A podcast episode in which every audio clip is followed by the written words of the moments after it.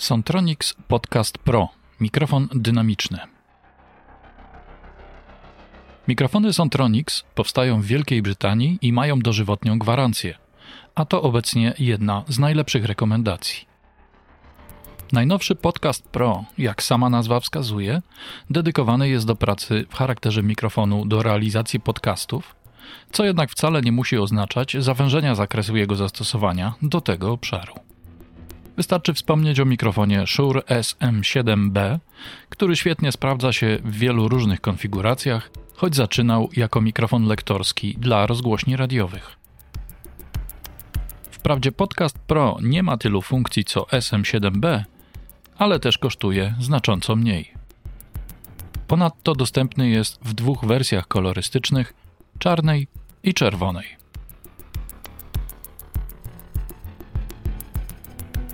Pierwszy kontakt z mikrofonem Sontronics może być dla wielu osób zaskakujący. Podcast Pro jest bowiem niesamowicie lekki, a w przypadku mikrofonów cecha ta nie wzbudza szczególnego zaufania. Jest tak, ponieważ jego korpus został wykonany z aluminium, a nie jak w większości przypadków ze stopu cynku. Olbrzymią zaletą niskiej wagi jest to, że można go bez problemu zainstalować na długim wysięgniku – co pozwala wykorzystać standardowe statywy mikrofonowe. Konstrukcja Podcast Pro jest najprostsza z możliwych. W jego wnętrzu znajduje się wyłącznie kapsuła dynamiczna i gniazdo wyjściowe XLR. Żadnych transformatorów, przełączników ani dodatkowych elementów. Membranę przed podmuchami chroni wielowarstwowa struktura, będąca połączeniem pianki akustycznej i metalowych filtrów rozpraszających. Sama kapsuła ma charakterystykę supernerkową i pasmo przenoszenia od 50 Hz do 15 kHz.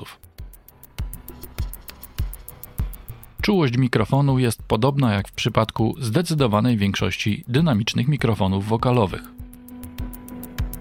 Prawidłowe wysterowanie toru sygnałowego w interfejsach audio, z którymi go testowałem, takimi jak Universal Audio Apollo, Focusrite Scarlett czy Motu Track 16, można uzyskać przy regulatorze gain w okolicach 3 czwartych zakresu.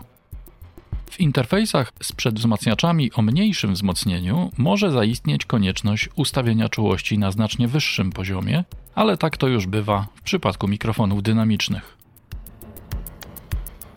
Charakterystyka brzmieniowa mikrofonu została dopasowana do głosu lektorskiego z wyraźną prezentacją pasma podstawowego 200 Hz wyrównanym przetwarzaniem w paśmie 400 Hz 1,5 kHz i podkreśleniem zakresów 2,5 kHz oraz 10 kHz.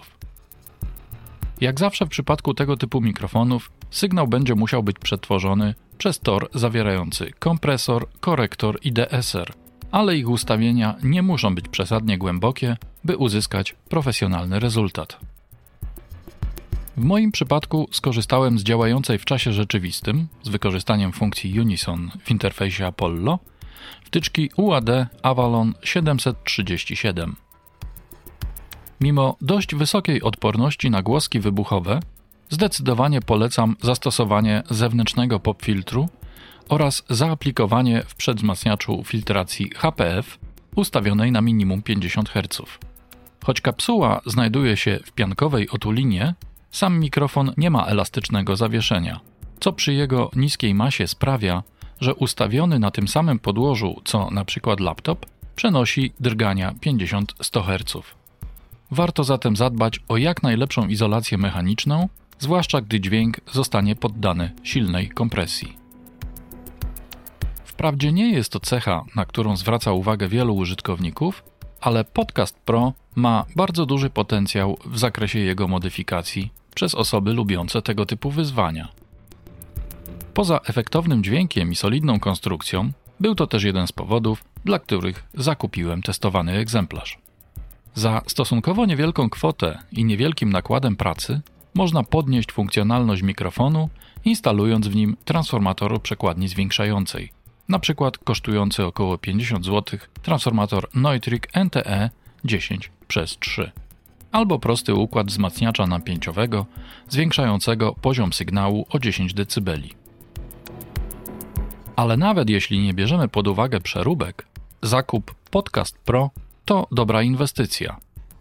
Mikrofon ma ciekawą charakterystykę brzmieniową, jest funkcjonalny i efektownie się prezentuje, zwłaszcza w kolorze szkarłatnym, bardzo zbliżonym do kolorystyki interfejsów Focusrite.